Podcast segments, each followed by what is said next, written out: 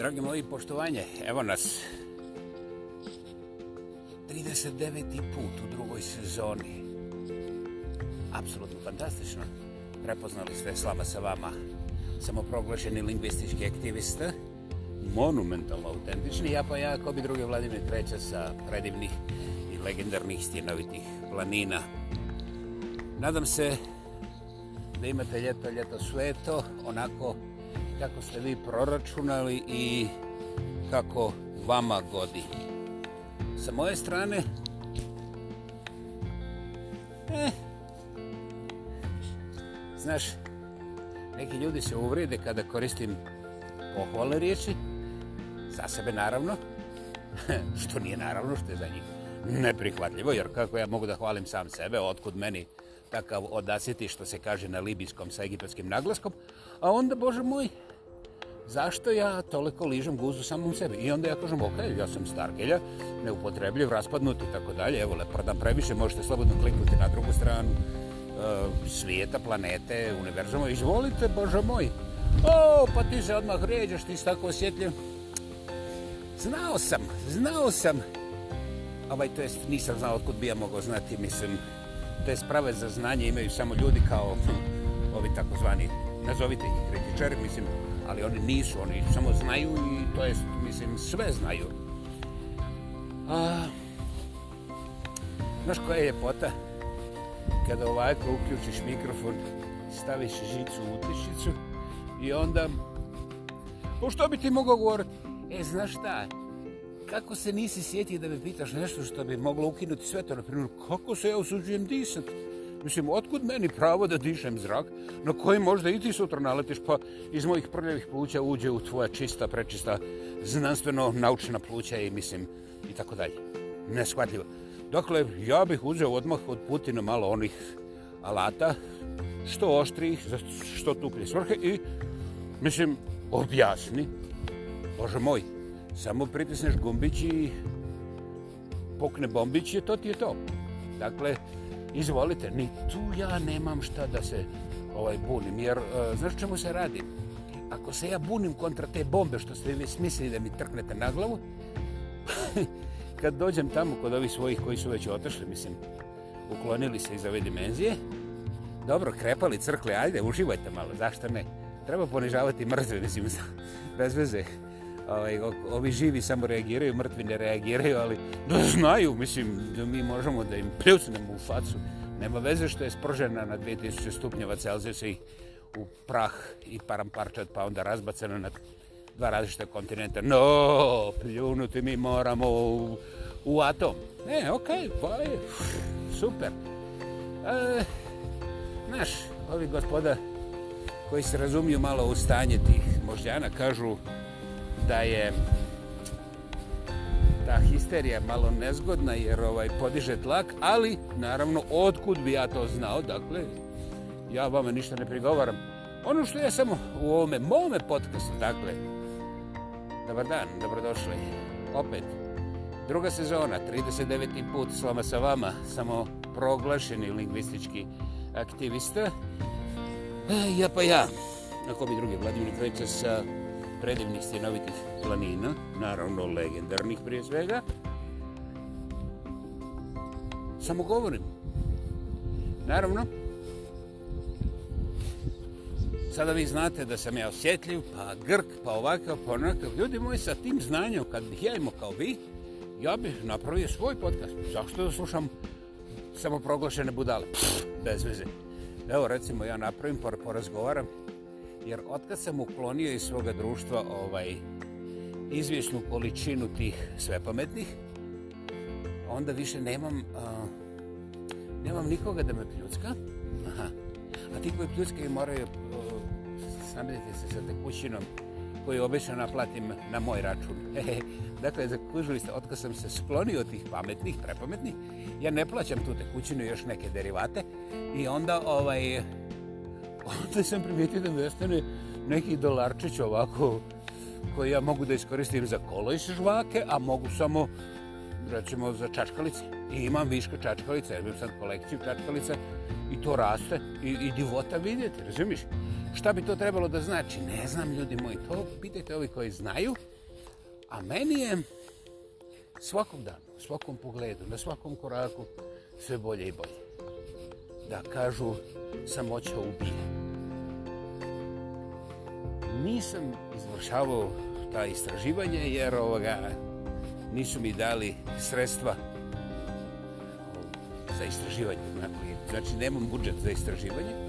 Međutim, na svojoj koži sam probao šta znači biti solo. Da li ja uživam biti solo?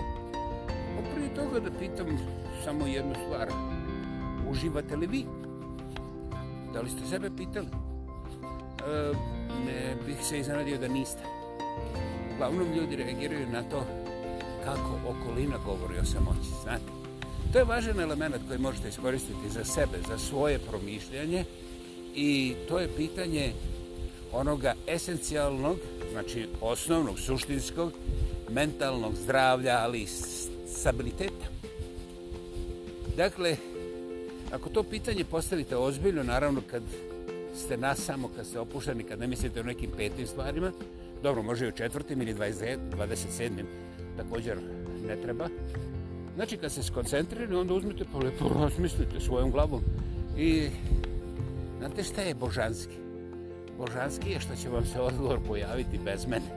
Znate, ovaj, vi ćete imati odgovor na pitanje da li je usamljenost ovako ili onako, sami sa sobom.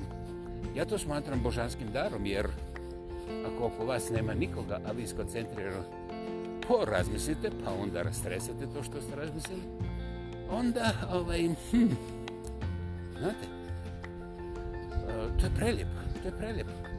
Nema nikoga da vam kaže to je dobro ili to je loše, nego eto tako se zalutate u moj podcast i onda vam ja kažem to je prelijepo.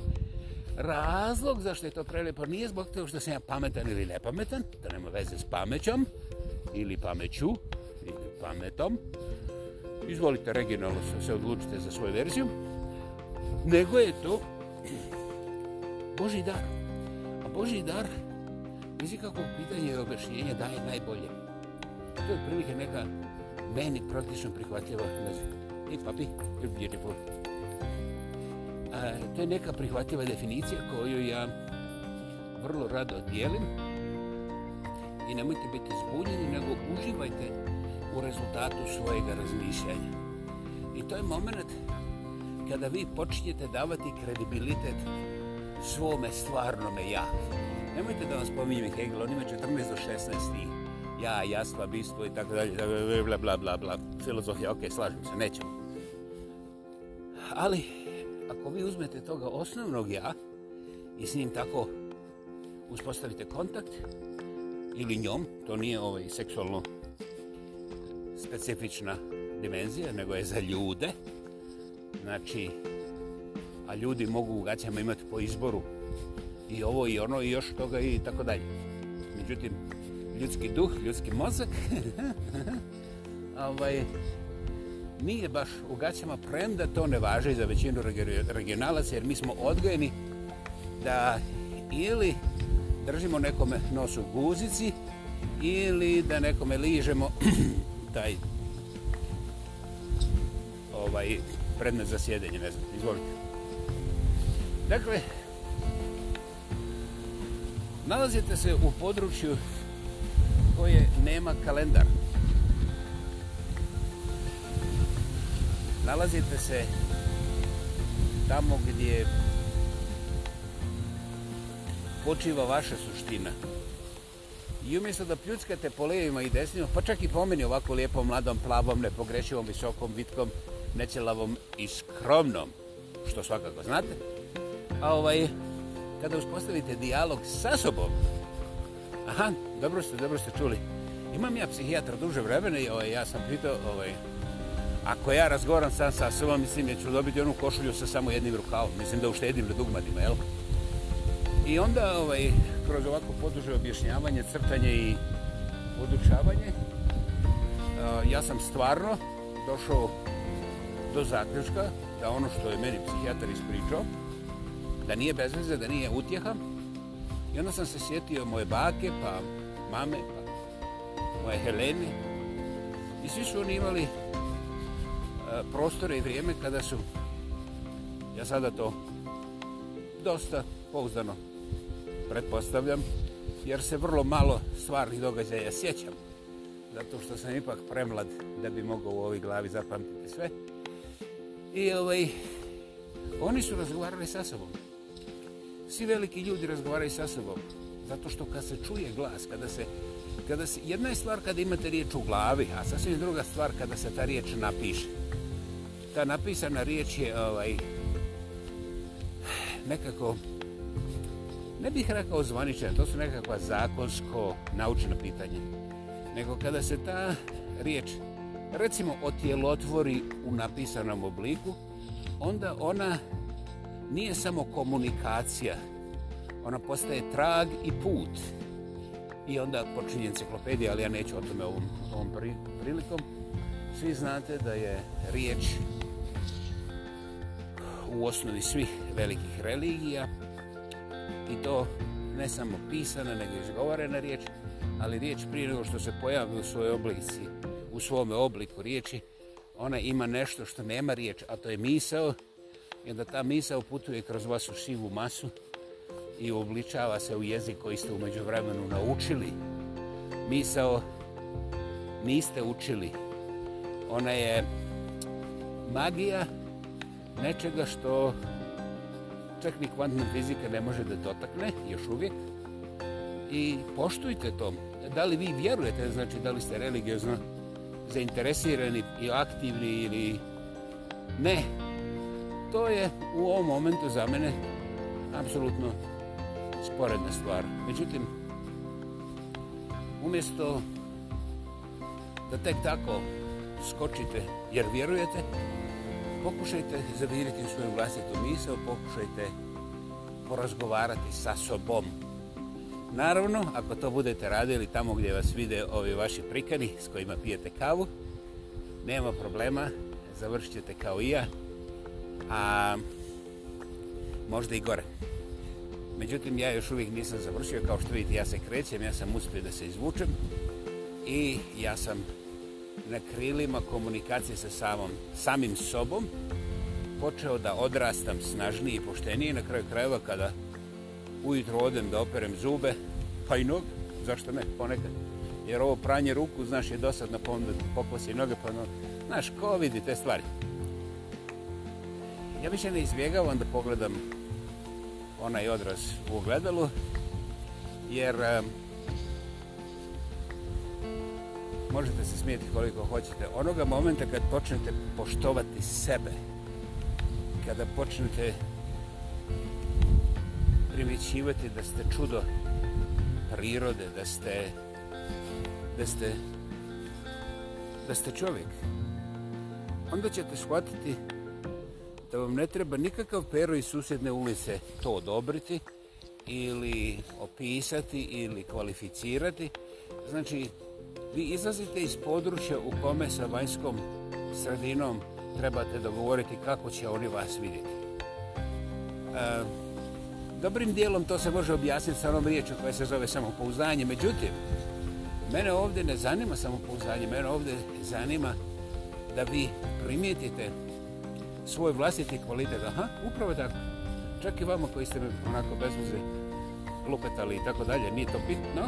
Bitno je kada prepoznajete sebe, bit ćete puno veći kvalitet i puno veća za slast, za živjeti sami sebi, a onda se dešava to opet u žanskom trudu, da će i ta okolina oko vas to na neki način prepoznati. To je ta magija refleksije, znači nikakva, nikakva inteligencija, nikakvi, uh, nikakve diplome, pameti, znaš ono, ova asocijacija, ona asocijacija, Jer znate, misao ne priznaje granicu. I onda, pošto nema granice, vrlo lako sklizne i zaluta tamo gdje joj je giljotina. A ona misli da promatra nekakvu povijest.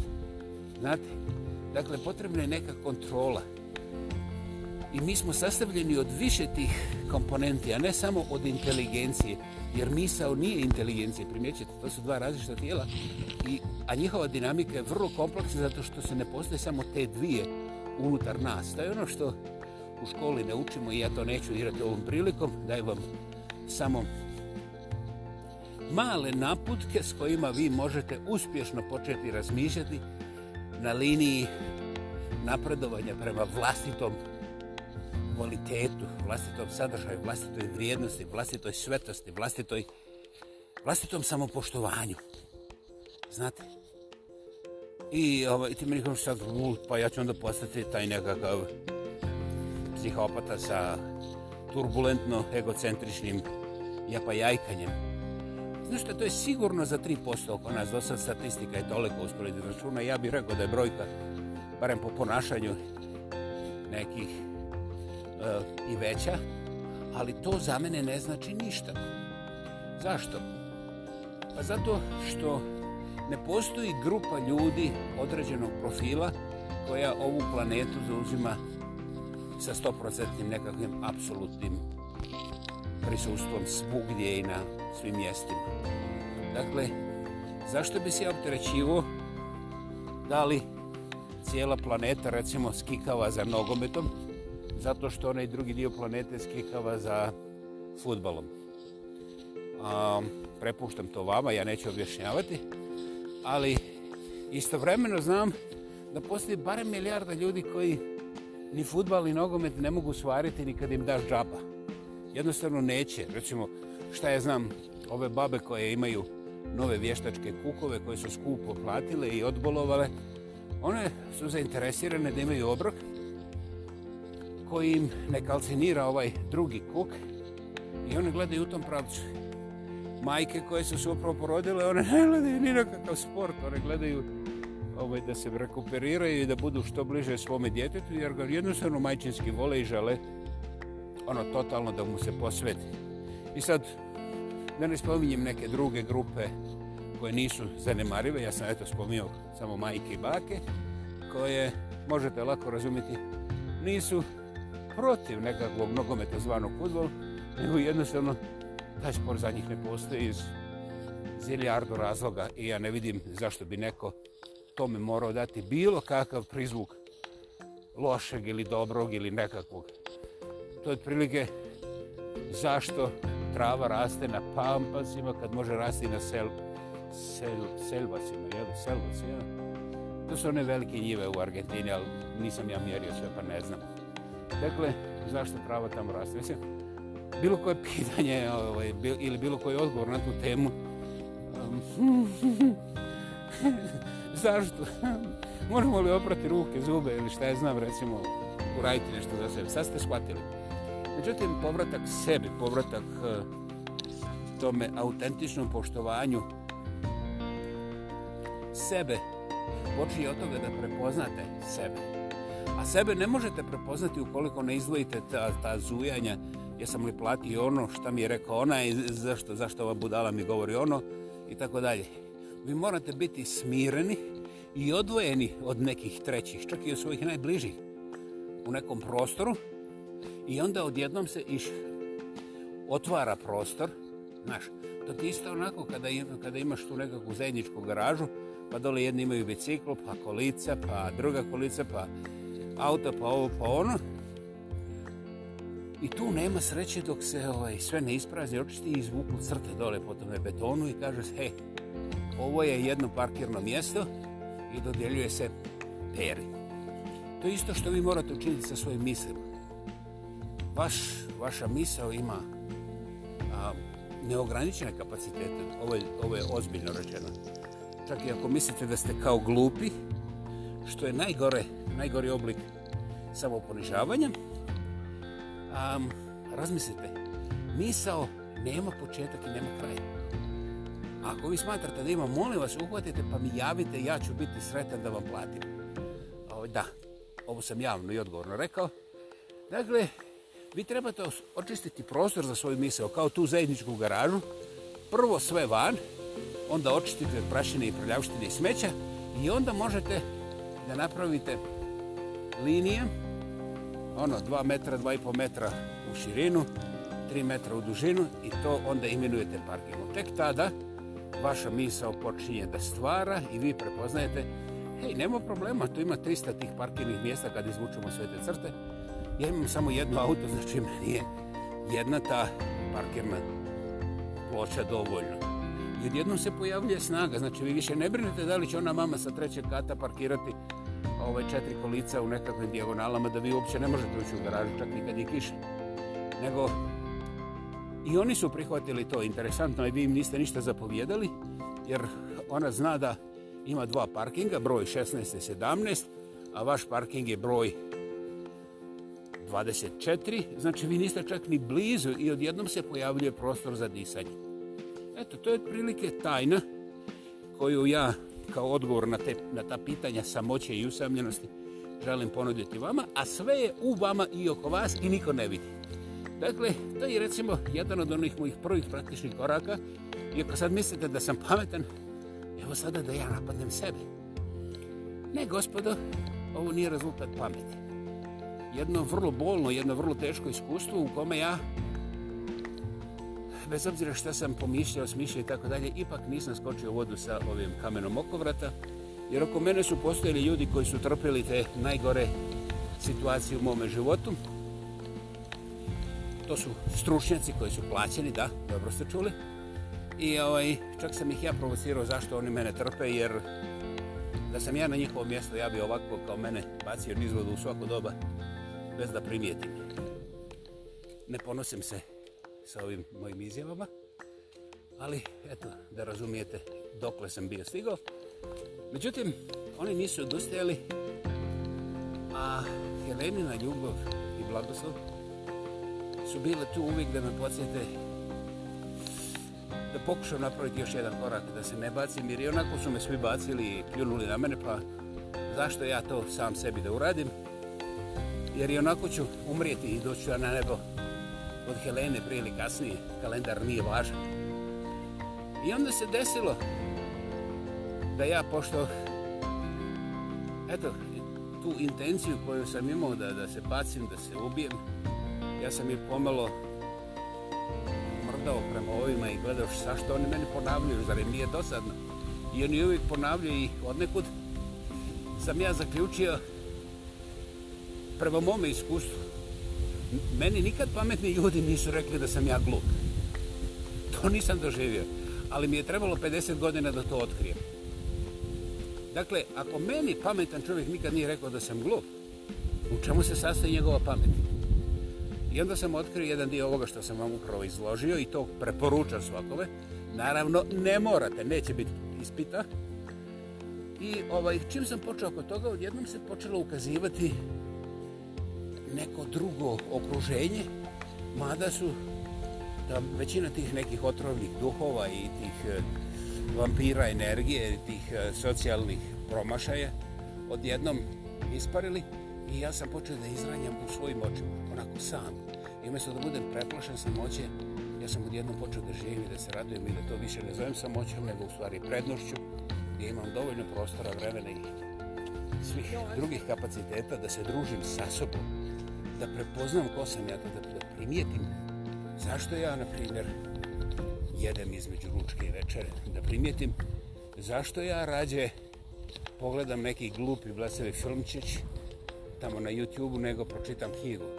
I ta pitanja, gdje mi niko nije prigovarao, su morala biti razriješena. Ne zato što sam ja imao zadaću da to uradim za 15 minuta ili 15 dana, nego kada se desi da ja počnem lutati sa mislama na milion stvari i stvarati sliku svjetskih problema koje ja trebam riješiti, ukazalo mi se da ja mogu da primijetim sebe i da vidim da moja samodisciplina i tekako može biti fantastična ako je ja prepoznam i onda poravnam svoje želje, zahtjeve i moći sa tom disciplinom i odjednom ja postajem plodan u svojim očima, imam proizvod, ne moram se grubo svađati sa ovim pametnjakovića, pametnjakovićima koji znaju da sam ja glup, što je u redu, ali znaš šta je bolje, bolje kada oni viču tako da sam ja glup, ja to ne čujem, a ako čujem,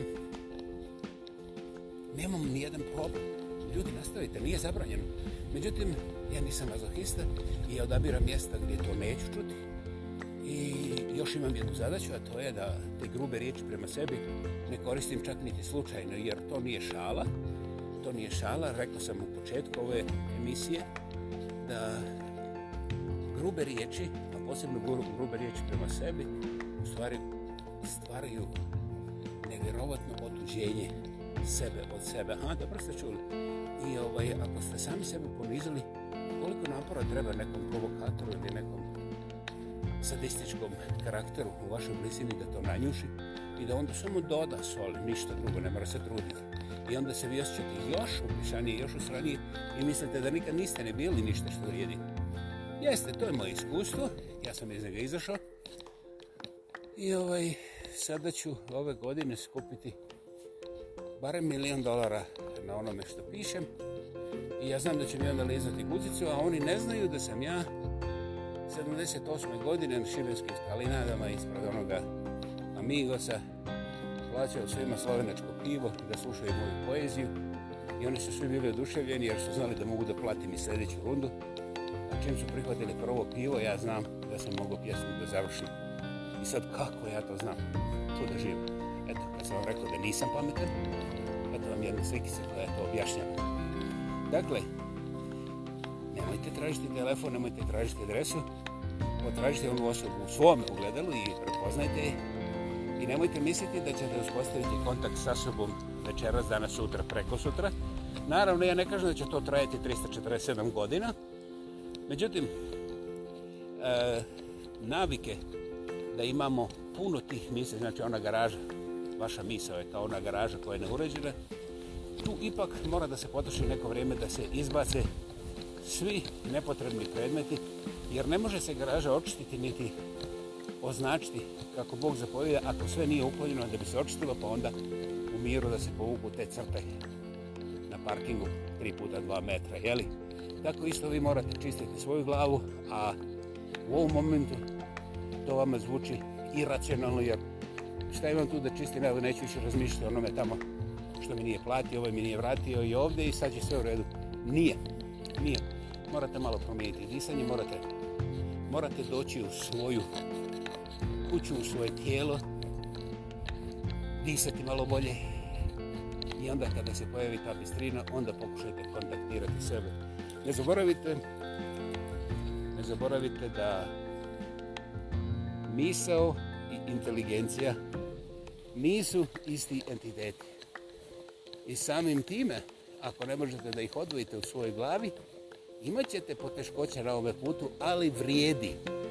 Dakle, ja bih ovdje stao, stavio točku tačkastog oblika i ponovio Slama Salava 39. put u drugoj sezoni.